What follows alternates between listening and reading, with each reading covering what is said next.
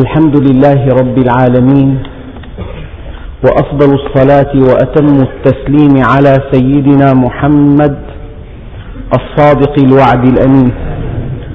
اللهم لا علم لنا إلا ما علمتنا إنك أنت العليم الحكيم. اللهم علمنا ما ينفعنا وانفعنا بما علمتنا وزدنا علما. وأرنا الحق حقا وارزقنا اتباعه. وأرنا الباطل باطلا وارزقنا اجتنابه واجعلنا ممن يستمعون القول فيتبعون أحسنه وأدخلنا برحمتك في عبادك الصالحين. أيها الإخوة المؤمنون مع الدرس الرابع من سورة مريم وصلنا في الدرس الماضي إلى قوله تعالى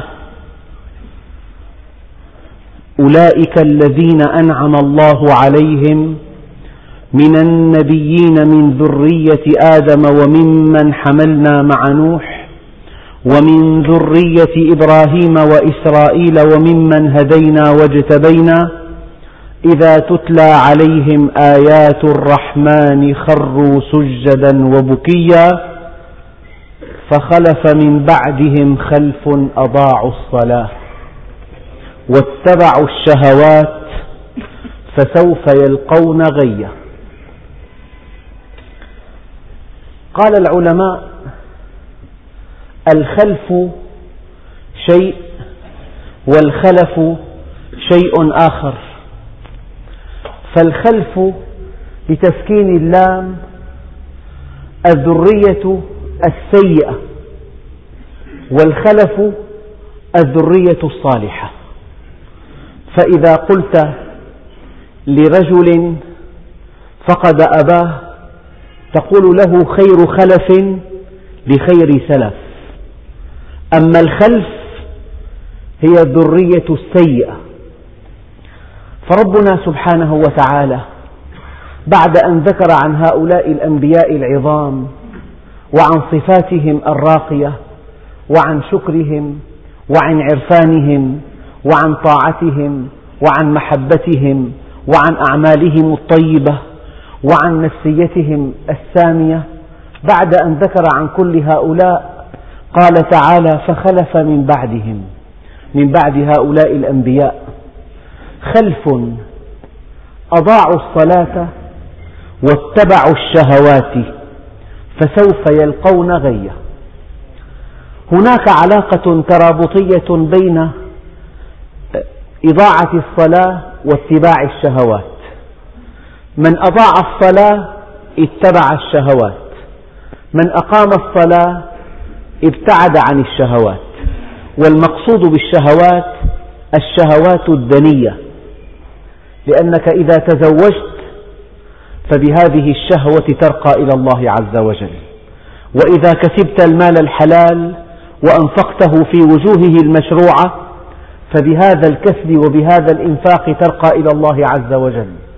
ولكن الشهوات التي وردت في هذه الآية فإنما تعني الشهوات المنحطة التي ما شرعها الله عز وجل ولا سمح بها. أن تعتدي على أعراض الآخرين هذه شهوة منحطة. طبعا هذا الاعتداء مبعثه الشهوة. ولكن هذه الشهوة إنما أودعت فيك لترقى بها إلى الله عز وجل عن طريق الزواج إيجابا ولترقى بها إلى الله عز وجل سلبا عن طريق الابتعاد عن المحرمات. فكل الشهوات التي أودعها الله في الإنسان من أجل أن يرقى بها رقيا في حالتين في حالة الإيجاب وفي حالة السلب. فإذا ابتعد عن المحرمات من الشهوات يرقى إلى الله عز وجل. فإذا أخذ منها ما سمح الله له به حصرا يرقى إلى الله عز وجل. لكن اتباع الشهوات هنا المقصود به اتباع الشهوات التي حرمها الله عز وجل والتي ما أنزل الله بها من سلطان والتي نهى عنها النبي العدنان. اتباع الشهوات هنا الشهوات الخسيسة المنحطة التي تجعل من الإنسان حيوانا بهيميا فكأن هناك علاقة ترابطية بين إضاعة الصلاة وبين اتباع الشهوات ما إضاعة الصلاة؟ من المجمع عليه ليس معنى إضاعة الصلاة تركها ولكن تأخيرها عن وقتها أو عدم الاستقامة قبلها. إن لم تستقم قبل الصلاة لا تنعقد الصلة بينك وبين الله عز وجل. والصلاة ليست أقوالا وأفعالا تبتدئ بالتكبير تفتتح بالتكبير وتختتم بالتسليم فحسب بل هي صلة بالله عز وجل وإقبال عليه واتصال به واقتباس من كمالاته. إن الصلاة تنهى عن الفحشاء والمنكر ولذكر الله أكبر. أعيد هذه العبارة مرة ثانية. ليست الصلاة في حقيقتها أقوال وأفعال تفتتح بالتكبير وتختتم بالتسليم فحسب بل هي إقبال على الله عز وجل واتصال به واستمداد من كمالاته. لأنك إذا اتصلت بالله عز وجل مصدر الحق والخير والجمال لا بد من أن تنعكس هذه الصفات على قلبك. لا بد من أن يفيض قلبك بالخير. لا بد من أن تحب الحق وأن تكون ناصرا له. لا بد من أن تبتعد عن كل دنية لأن الصلاة كما أرادها الله عز وجل تنهى عن الفحشاء والمنكر. لا تجد مؤمنا يصلي صلاة صحيحة يؤذي الناس أو يأخذ ما ليس له أو يعتدي على حقوقهم أو على أعراضهم أو على أشخاصهم. لا تجد مؤمنا حقا يصلي صلاة صحيحة وهو مسيء إلى الناس. من لوازم المصلي أنه محسن من لوازم المصلي أنه منصف. من لوازم المصلي أنه يخجل من الله عز وجل. يشيع فيه الحياء والحلم والعفو. مكارم الأخلاق يمكن أن تشتق بعضها من خلال الصلاة لأن الصلاة تنهى عن الفحشاء والمنكر. فإذا ضيعت الصلاة تضيع الصلاة ألا تكون مستقيما قبل الصلاة. فإن لم تكن مستقيما قبل الصلاة وقفت لتصلي وأنت في حجاب عن الله عز وجل. لأن المعاصي والمخالفات والاعتداءات والتقصيرات هذه كلها حجب بينك وبين الله عز وجل. كلما ازداد حجم المعصية ازداد الحجاب آه، سخانة. وكلما خفت المعصية رق الحجاب. فإذا استقمت على أمر الله عز وجل ارتفع الحجاب بينك وبين الله. عندئذ أقبلت عليه. ورأيت الطريق ميسرة إليه. ورأيت أن أجمل ما في الحياة أن تكون مع رب الأرباب. أن تكون مصليا. يا موسى أتحب أن أكون معك؟ فصعق هذا النبي الكريم وقال يا رب كيف ذلك؟ قال أما علمت أنني جليس من ذكرني وحيثما التمسني عبدي وجدني؟ فخلف من بعدهم خلف.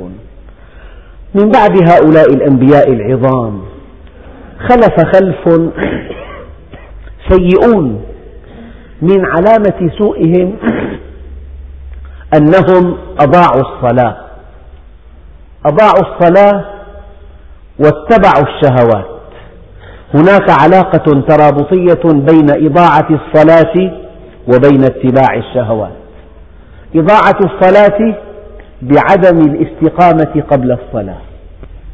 هذا الذي يبيع ويشتري ويملأ عينيه من الحرام لا يستطيع أن يعقد الصلة بينه وبين الله عند أذان الظهر. يستطيع أن يذهب إلى المسجد ويتوضأ كما أمر النبي عليه الصلاة والسلام وأن يصلي السنة وأن يصلي الفريضة وأن يتم حركات الصلاة ولكن لا يستطيع أن يتصل بالله عز وجل لأن المخالفات التي ارتكبها في دكانه في أثناء البيع والشراء حالت بينه وبين انعقاد الصلة مع الله عز وجل. فمن أطلق بصره في الحرام أو من غش في بيعه وشرائه أو من حلف يمينا كاذبة أو من فعل من المعاصي ما شاء هذا يضيع عليه الاتصال بالله عز وجل. هذا يضيع الصلاة. تضيع الصلاة ألا تكون مستقيما فيما بين الصلاتين. إن لم تكن مستقيما فيما بين الصلاتين أضعت الصلاة. بمعنى أن صلاتك أصبحت جوفاء لا معنى لها. أصبحت أقوالا وأفعالا تفتتح بالتكبير وتختتم بالتسليم وانتهى الأمر. لأن الصلاة عماد الدين فمن أقامها فقد أقام الدين ومن هدمها فقد هدم الدين. وقال بعض العلماء من أضاع الصلاة التي هي عماد الدين فهو لما للعبادات الأخرى أشد ضياعا. أضوع لغيرها من العبادات هي عماد الدين. فخلف من بعدهم خلف أضاعوا الصلاة واتبعوا الشهوات فسوف يلقون غيا والغي هو الشر. ومن علامات قيام الساعة كما جاء في بعض الأحاديث الشريفة هلاك العرب. لماذا هلاكهم؟ لأنهم ضيعوا الصلاة واتبعوا الشهوات فسوف يلقون غيا أما إذا عادوا إلى دينهم واتصلوا بربهم فزكت نفوسهم وطابت أعمالهم واستقامت سريرتهم وائتلفوا فيما بينهم وكانوا صفا واحدا. على من عاداهم عندئذ يعود لهذه الأمة مجدها. يعود لهذه الأمة مجدها. ويصدق عليها قول الله عز وجل وعد الله الذين آمنوا منكم وعملوا الصالحات ليستخلفنهم في الأرض كما استخلف الذين من قبلهم وليمكنن لهم, لهم دينهم الذي ارتضى لهم وليبدلنهم من بعد خوفهم أمنا. لا يكون التبديل إلى الأمن بعد الخوف ولا يكون التمكين بعد الضعف ولا يكون الاستخلاف حاصلا إلا بشرط واحد يعبدونني. هذه الآية تصح على مستوى الأمة وتصح على مستوى الفرد. أنت وحدك إذا أقمت الصلاة وجهدت أن تتصل بالله عز وجل ولن تتصل به إلا إذا كنت مستقيما على أمره. إذا اتصلت بالله سمت نفسك فكنت أبعد الناس عن الشهوات المنحطة وعن الانغماس في المحرمات وعن اتباع الشهوات التي لا ترضي الله عز وجل. كأن كأن اتباع كأن إقامة الصلاة واتباع الشهوات شيئان متناقضين متناقضان. وجود أحدهما ينقض وجود الآخر. كأن إقامة الصلاة واتباع الشهوات شيئان متناقضان بمعنى أن أحدهما ينقض الآخر وجود أحدهما ينقض الآخر. فخلف من بعدهم خلف أضاعوا الصلاة. ضيعوها بعدم الاستقامة. ضيعوها بالتفلت من قواعد الدين. ضيعوها بمخالفة أوامر الشرع. ضيعوها بالاستخفاف بمجالس العلم. ضيعوها بالانغماس في الشهوات. واتبعوا الشهوات من لوازم تضييع الصلاة اتباع الشهوات. ومن نتائج اتباع الشهوات تضيع الصلاة. إذا هناك علاقة ترابطية بين بين إضاعة الصلاة وبين اتباع الشهوات. من ضبط شهوته اتصلت نفسه بالله عز وجل. من أسباب الاتصال بالله عز وجل ترك الشهوات الخسيسة. فأما من خاف مقام ربه ونهى النفس عن الهوى فإن الجنة هي المأوى. شيء رائع. هذه الآية دقيقة جدا. كأن الدين كله هو الصلاة. الصلاة عماد الدين. الصيام من أجل الصلاة. والحج من أجل الصلاة. والزكاة من أجل الصلاة. والصلاة من أجل الصلاة. الصلاة عماد الدين. من أقامها فقد أقام الدين. ومن هدمها فقد هدم الدين. إذا اتباع الشهوات سبب لإضاعة الصلاة. إضاعة الصلاة من لوازمها اتباع الشهوات. لا يجتمع في الإنسان إقامة للصلاة واتباع للشهوات. شيئان متناقضان أحدهما ينقض الآخر. معنى إضاعة الصلاة عدم الاستقامة فيما بين الصلوات. ومعنى إضاعة الصلاة تأخيرها عن وقتها. ومعنى إضاعة الصلاة تركها. تركها. ضيعها فتركها. ضيعها فأخرها. ضيعها بأن لم يستقم قبلها فوقف أمام ربه كأنه خشب مسندة. لم يفقه منها شيئا. وفي بعض الأحاديث تقول الصلاة لصاحبها لمن لم يستقم قبلها فوقف وقفة جوفاء لا معنى لها. تقول له الصلاة ضيعك الله كما ضيعتني. ضيعك الله كما ضيعتني. ما هذه الصلاة؟ وهذا الإنسان الذي يرى زيدا من الناس يصلي وقد أصابه بالأذى. رأى عمرا يصلي وقد أكل مال زيد. رأى فلانا يصلي وقد اعتدى على عبيد. رأى فلانا يصلي وقد تجاوز حدوده. ظلم الآخرين. عندئذ يسهم هذا الذي يصلي ولم يستقم بتضعيف قيمة الدين في نظر هؤلاء. إنه أداة للتنفير من الدين. لذلك الإمام علي كرم الله وجهه يقول قوام الدين والدنيا أربعة رجال عالم مستعمل علمه وجاهل لا يستنكف أن يتعلم وغني لا يبخل بماله وفقير لا يبيع آخرته بدنياه. فإذا ضيع العالم علمه استنكف الجاهل أن يتعلم. وإذا بخل الغني بماله باع الفقير آخرته بدنيا غيره. الصلاة عصام الدين وعصام الدين وركن اليقين والصلاة عماد الدين فمن أقامها فقد أقام الدين ومن هدمها فقد هدم الدين. فخلف من بعدهم خلف أضاعوا الصلاة واتبعوا الشهوات فسوف يلقون غيا وقد لقي مضيعو الصلاة ومتبعو الشهوات هذا الغي. وكأي من قرية ضرب الله مثلا قرية كانت آمنة مطمئنة يأتيها رزقها رغدا من كل مكان فكفرت بأنعم الله فأذاقها الله لباس الجوع والخوف بما كانوا يصنعون. وقد لقيت القرى التي أضاعت الصلاة واتبعت الشهوات لقيت ذلك الغي.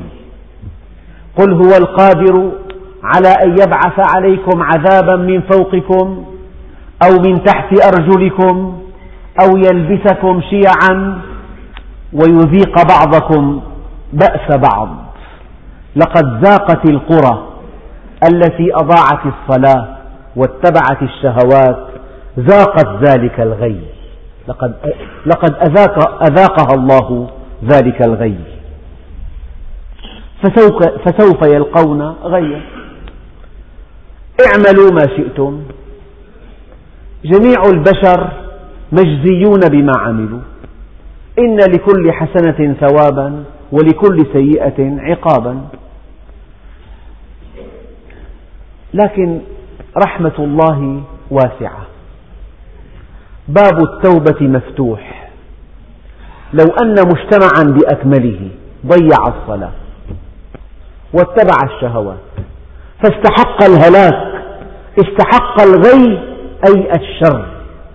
نقص في الأموال والأولاد شح في السماء ضيق في الأرزاق قهر للضعفاء خصومات لا تنتهي تمزق للحياة الاجتماعية تسيب في الأعمال هذا هو الغي. فسوف يلقون غيا. إذا كان المجتمع كله قد ضيع الصلاة واتبع الشهوات لا بد من أن يلقى ذلك الغي وقد لقي ذلك الغي. والشواهد على هذا كثيرة. لكن الله عز وجل جلت حكمته ووسعت رحمته كل شيء لكن الله عز وجل فتح باب التوبة لآحاد المسلمين. يعني أيها المسلم لو أن المجتمع كله فسد وضيع الصلاة واتبع الشهوات واستحق الهلاك أنت إذا استقمت وحدك وحدك إذا رجعت إلى الله واستقمت على أمره وعقدت الصلة بينك وبينه وحسنت عملك وتقربت إليه وأحسنت للخلق أنت وحدك تنجو من هذا الغي الذي وعد الله به تاركي الصلاة ومتبعي الشهوات. جاءت جاء القسم جاءت الآية الأولى في في صيغة الجمع وجاء باب التوبة في صيغة المفرد. يعني آحاد المسلمين إذا عادوا إلى ربهم. واتبعوا أمر دينهم وأحكموا صلتهم لن تنطبق عليهم هذه الآية أبدا. ولو كنت في مجتمع فاسد ولو كنت في مجتمع قد ضيع الصلاة ولو كنت في مجتمع قد اتبع الشهوات ولو كنت في مجتمع يستحق الغي من الله عز وجل إلا من تاب وآمن وعمل صالحا فأولئك يدخلون الجنة ولا يظلمون شيئا. معنى تاب الإمام الغزالي رضي الله عنه في كتاب إحياء علوم الدين وفي باب التوبة يعرف التوبة بأنها علم وندم وإقلاع وعزيمة. علم وندم وإقلاع وعزيمة. فالذي يفعل السوء ولا يدري أنه سوء هذا كيف يتوب؟ لا بد من أن تحضر مجالس العلم حتى تعرف ما هو حق وما هو باطل ما هو حلال وما هو حرام ما يجوز وما لا يجوز ما يرضي الله وما لا يرضيه. يجب أن تعلم. فإذا علمت أن هذا العمل لا يرضي الله أن هذه الطريقة في البيع والشراء لا ترضي الله أن إخفاء العيب لا يرضي الله أن تبيع بسعرين من دون سبب مشروع لا يرضي الله أن تزيد في الثمن لزيادة الأجل لا ترضي الله أن تبيع بضاعة محرمة لا يرضي الله أن تطلق لبناتك العنان يفعلن كما يشاء بدافع التربية الحديثة الحرية لا يرضي الله. إن لم تجلس في مجالس العلم وتعرف من خلال هذا المجلس حدود الله وشرعه وما يجوز وما لا يجوز كيف تتوب؟ فقوام التوبة العلم العلم بالحلال والحرام. ومن لوازم التوبة الندم على ما مضى. يكره التائب أن يعود في الكفر كما يكره الرجل أن يلقى في النار. من لوازم التوبة الندم على ما مضى. من لوازم التوبة الإقلاع الفوري عن المعصية. ما في تسويف؟ غدا أتوب وبعد غد أتوب وسوف أتوب. وفي أول العام القادم أتوب وبعد الفحص أتوب وبعد الزواج أتوب من لوازم التوبة الإقلاع الفوري عن المعصية. ومن لوازم التوبة العزم الأكيد في المستقبل على ألا يعصي الله. علم وندم وتوبة وإقلاع. فإذا كانت المعاصي قد تعلقت بها حقوق العباد فلا بد من إصلاح. فلان له بذمتك مبلغ من المال. وطالبك به كثيرا حتى يئس منك. وأنت عدت إلى الله. لا بد من أن تؤدي هذا المبلغ إليه. كل حقوق مادية أو أدبية معنوية أو مالية يجب أن تؤدى مع التوبة. إلا من تاب وآمن وعمل صالحا. العمل الصالح في هذه الآية كلمة عامة تشمل العبادة كلها. تاب وآمن وعمل عملا صالحا. أطاع الله في العبادات وفي المعاملات وفي مكارم الأخلاق. في الإسلام عقائد وعبادات ومعاملات ومكارم أخلاق. العقائد أن تؤمن بالله واليوم الآخر والملائكة والكتاب والنبيين. والعبادات أن تشهد أنه لا إله إلا الله وأن محمدا رسول الله وأن تؤدي الصلاة وتصوم رمضان وأن تزكي وأن تحج البيت إذا كنت مستطيعا.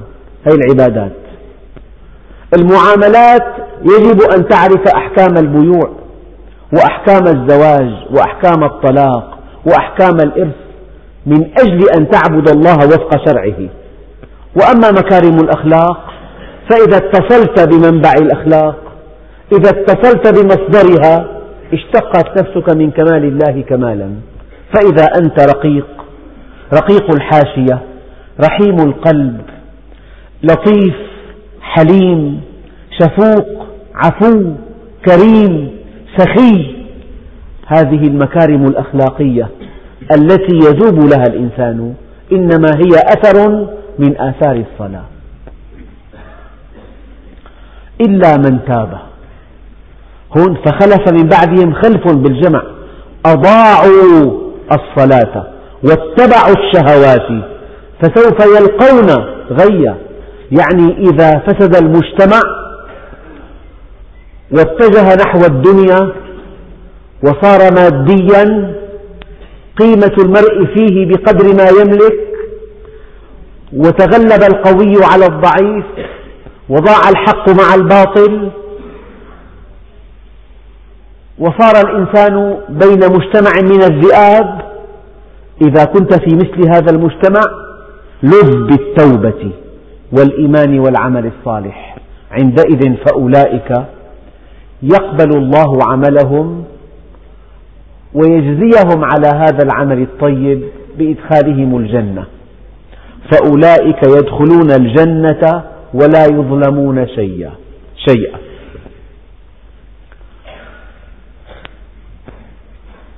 يعني من القواعد الثابتة في القرآن الكريم أنه لا تزر وازرة وزر أخرى. كل, كل نفس بما كسبت رهينة. يا فاطمة بنت محمد أنا لا أغني عنك من الله شيئا.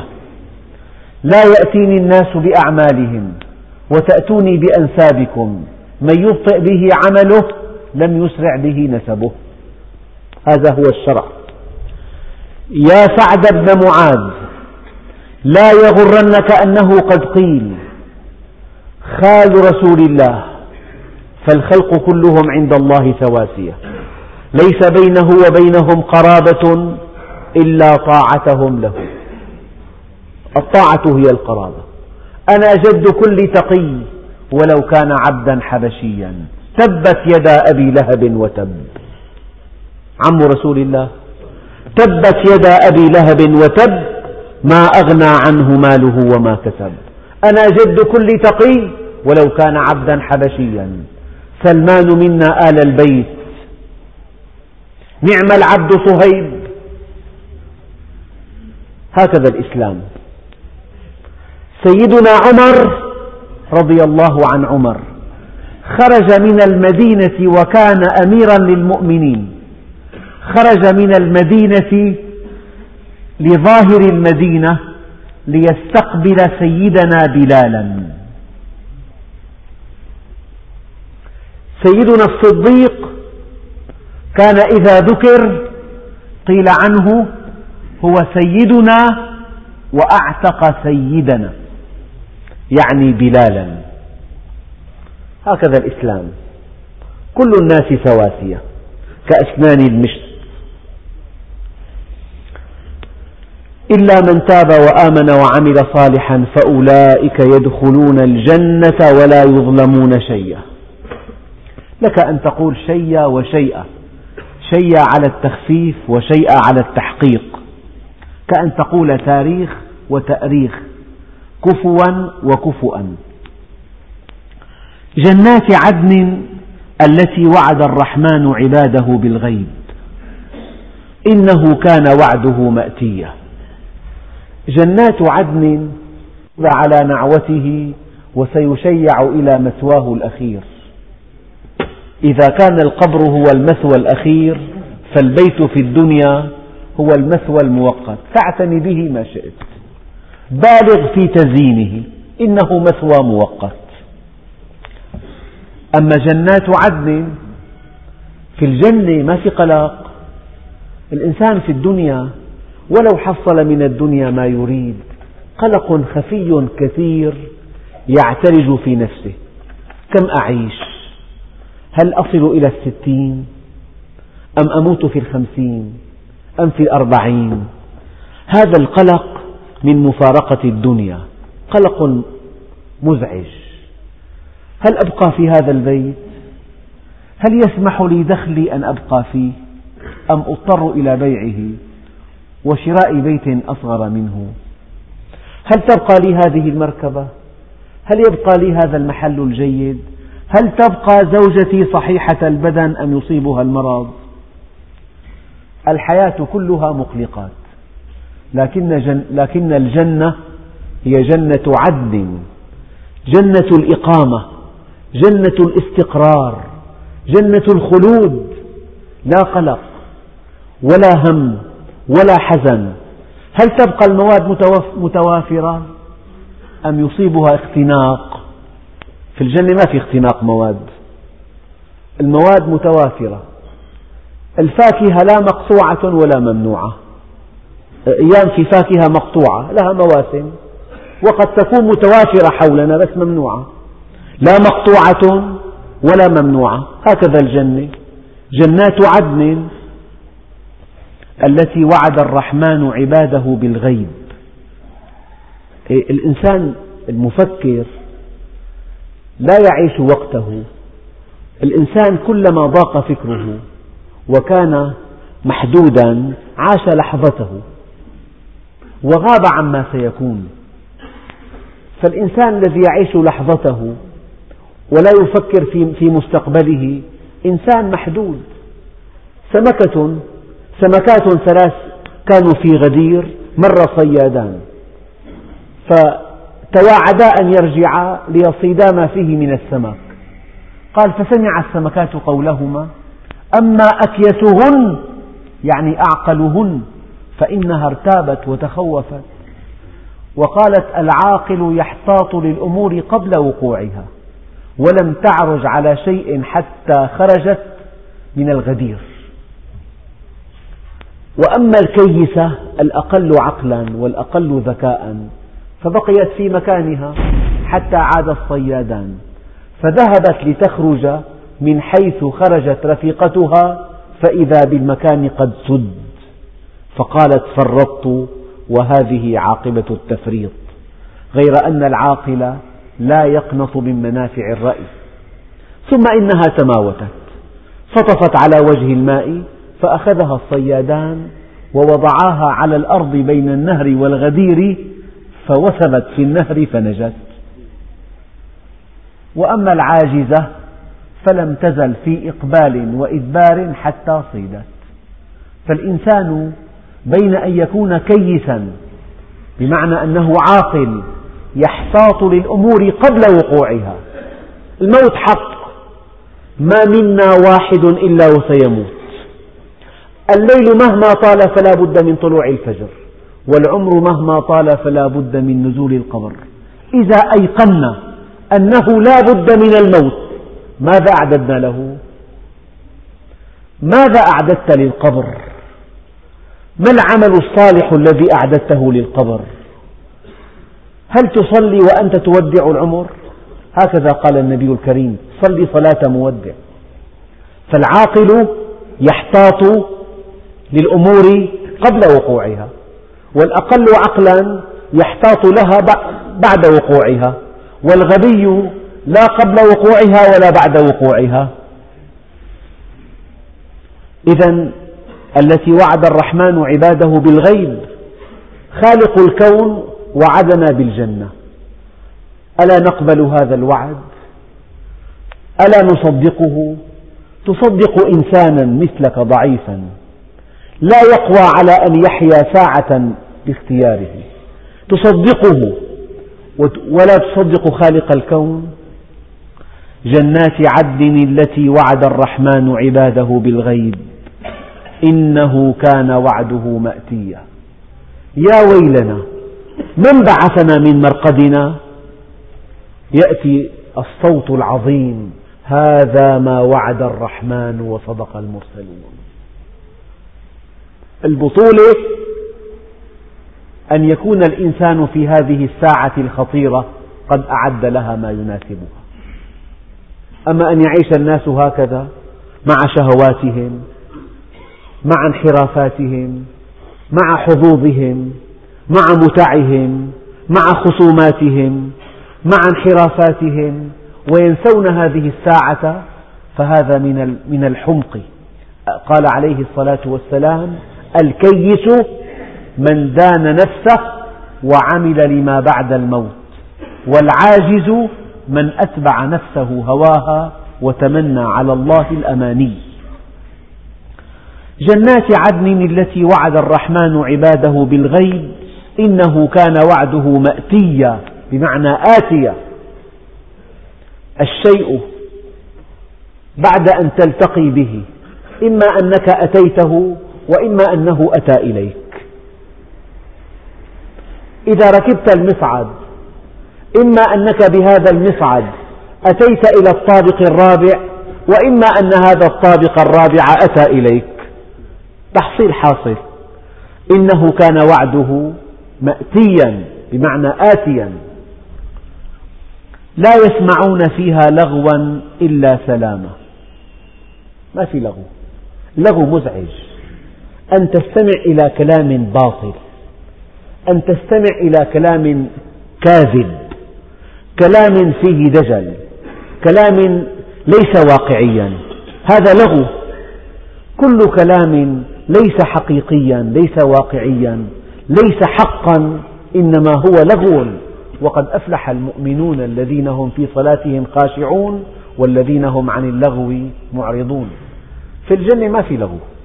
في الدنيا قد تضطر أن تجلس مع أناس يتحدثون كلاما باطلا كلاما منحطا كلاما سخيفا كلاما لا جدوى منه. قد ينهشون أعراض بعضهم بعضا. قد يتفاخرون بشيء سخيف تافه. هذا كله لغو. لكنك في الجنة لن يجمعك الله في الجنة إلا مع الكمل. مع المؤمنين الصادقين مع الأنبياء والصديقين والشهداء والصالحين. هؤلاء لا يتكلمون اللغو. كلام لا فائدة منه كلام باطل كلام مزخرف كلام في دجل كلام في تزوير كلام في مبالغة كلام في كذب كلام في تجاوز كلام سخيف بموضوعات تافهة. لا لا. هذا كله غير بالجنة غير موجود. اطمئنوا. جنات عدن التي وعد الرحمن عباده بالغيب إنه كان وعده مأتيا لا يسمعون فيها لغوا إلا سلاما. سلام قولا من رب رحيم. رب العزة يسلم عليهم. ادخلوها بسلام آمنين. والملائكة يسلمون عليهم. إلا سلاما. بمعنى تسليما وبمعنى طمأنينة ما بعدها قلق. سلام. قد أقول لإنسان سلام عليك يعني لن ترى مني إلا الخير لن ترى مني إلا الأمن لن ترى مني إلا الخدمة. سلام عليك وهذا معنى السلام. السلام عليكم يعني اطمئن أنا إنسان طيب خير. لن, لن أصيبك بالأذى. لن ينالك مني ضرر.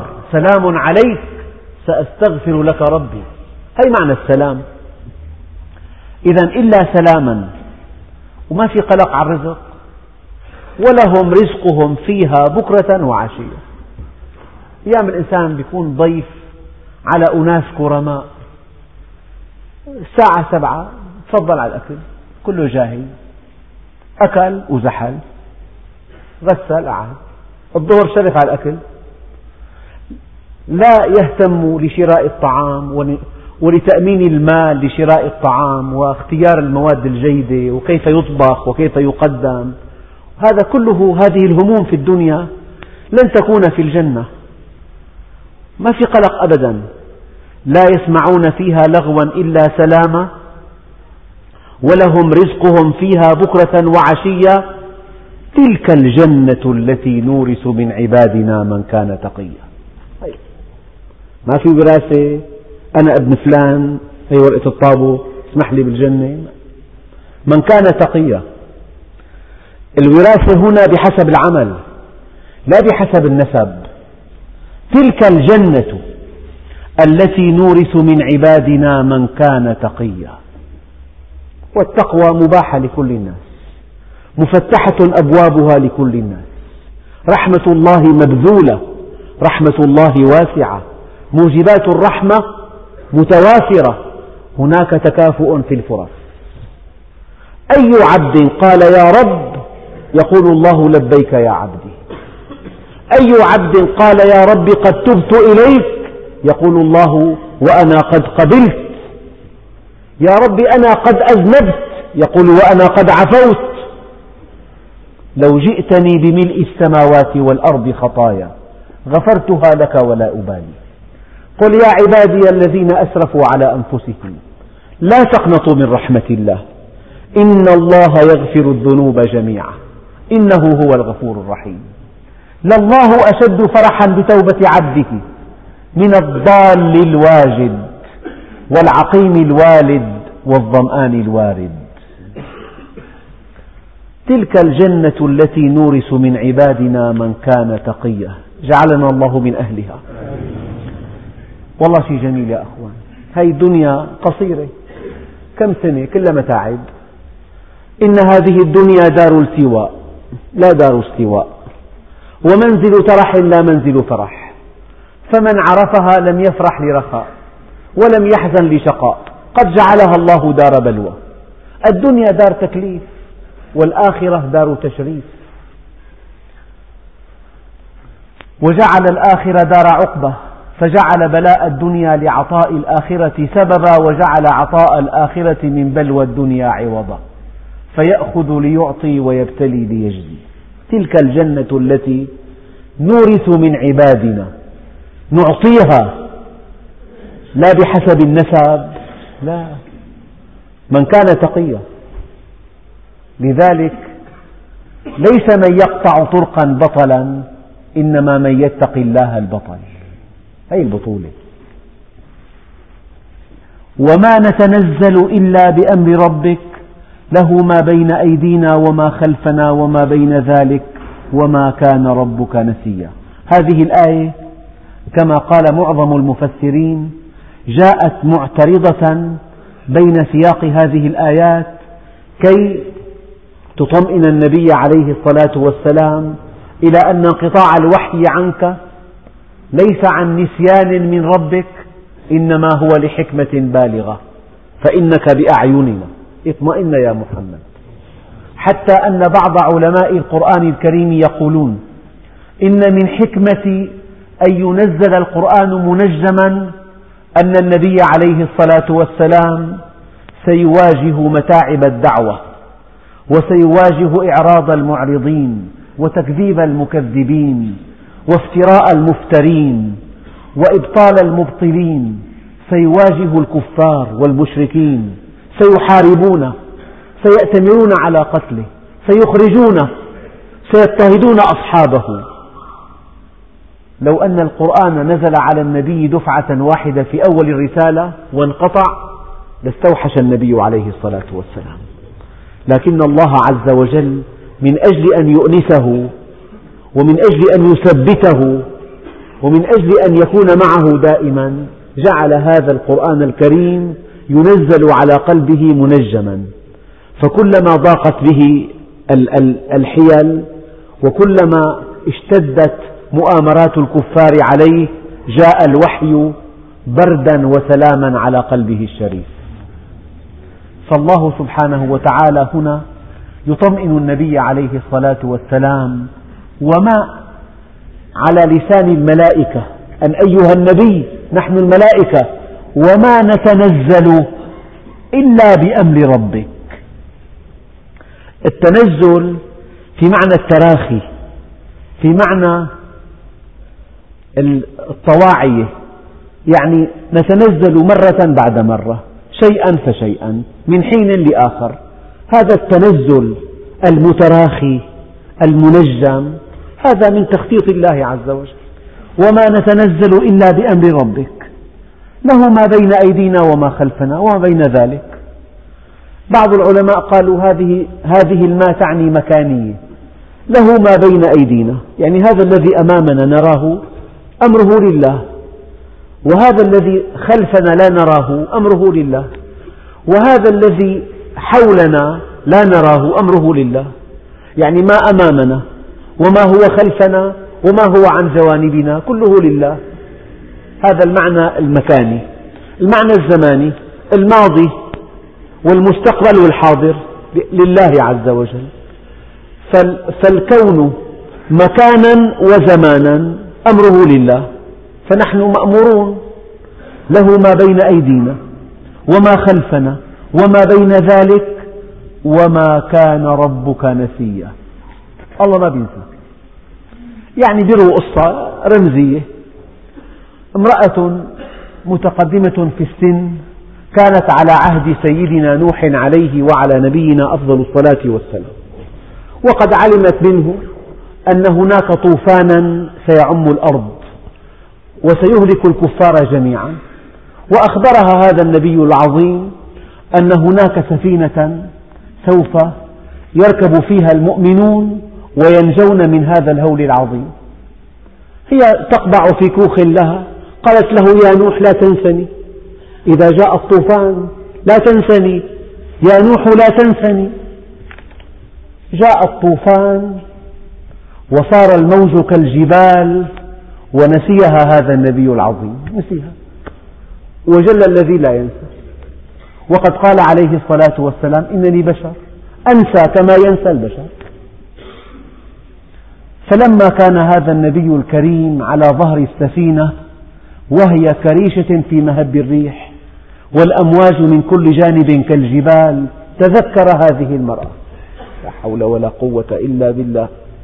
هذه التي رجوت رجتنا أن نذكرها وأن نأتي بها إلى هذه السفينة نسيناها فلما استوت السفينة على الجودي وقيل يا أرض ابلعي ماءك ويا سماء أقلعي وغيض الماء وقضي الأمر واستوت على الجودي وجلس نوح مع أصحابه جاءت هذه المرأة. فقالت يا نوح متى الطوفان؟ متى الطوفان؟ الله لا ينسى.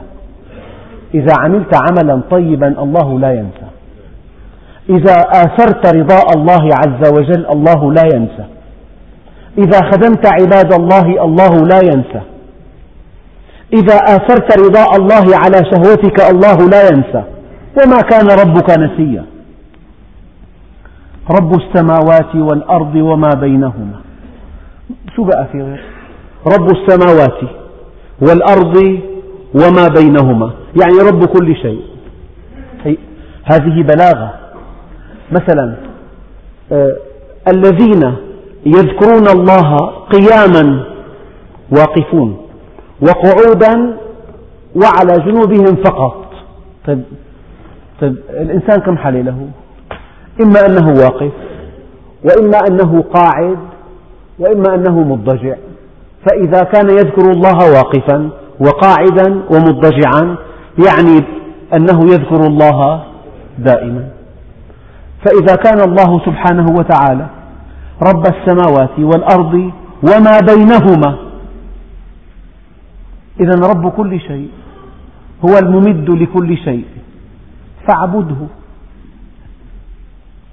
فاعبده واصطبر لعبادته. هل تعلم له سمية؟ أذن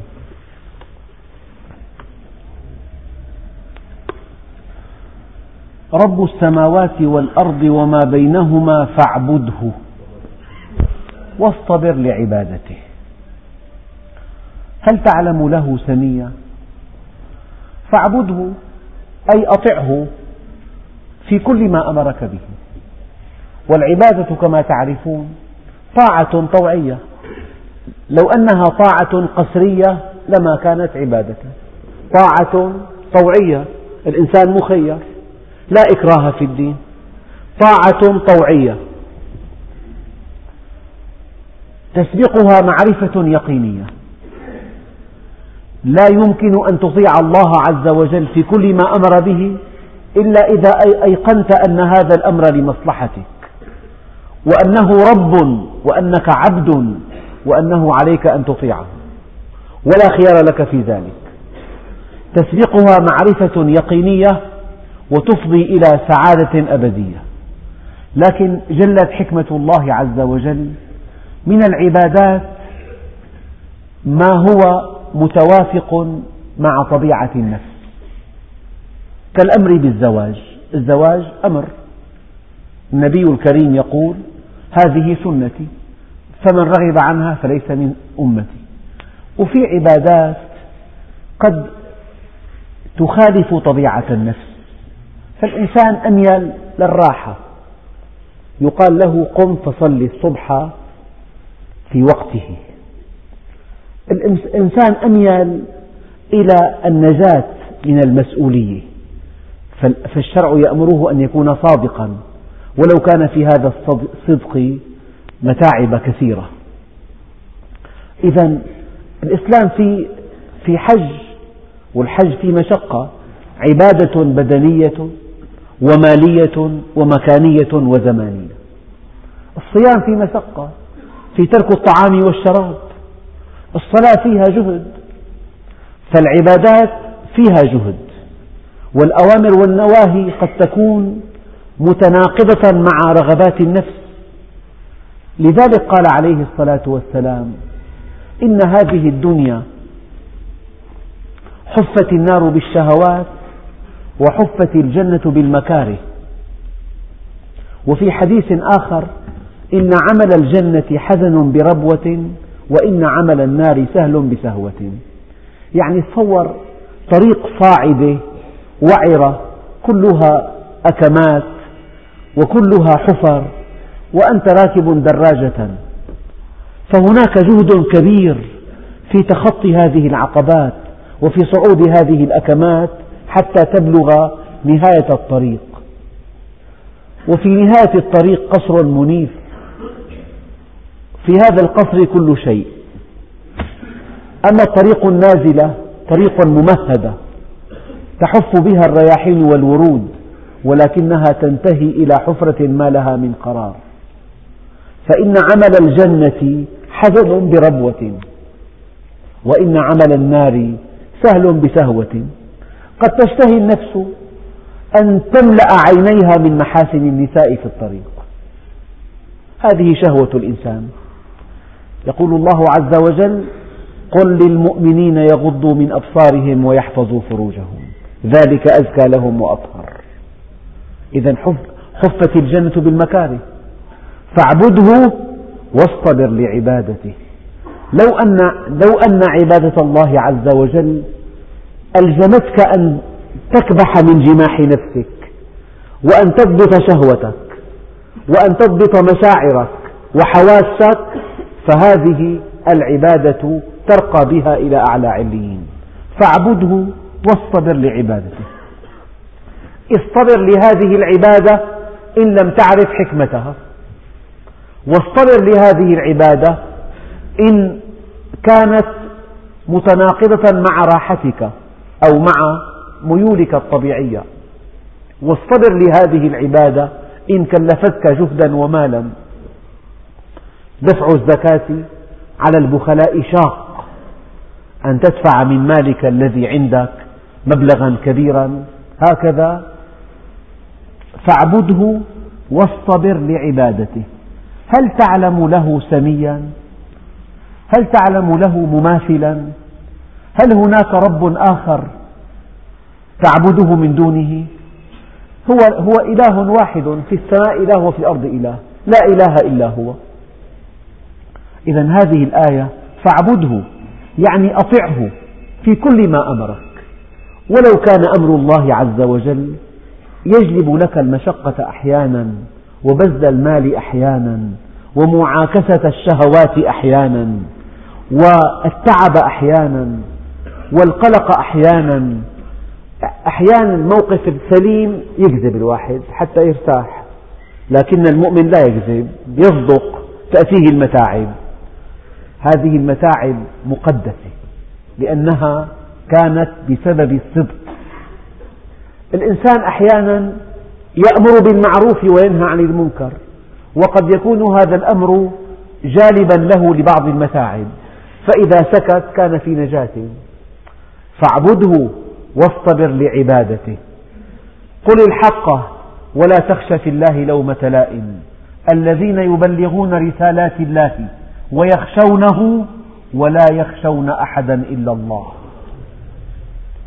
يعني لو, لو أن الجنة كلها مسرات لأقبل الناس عليها لا حبا بالله عز وجل ولكن حبا بأنفسهم.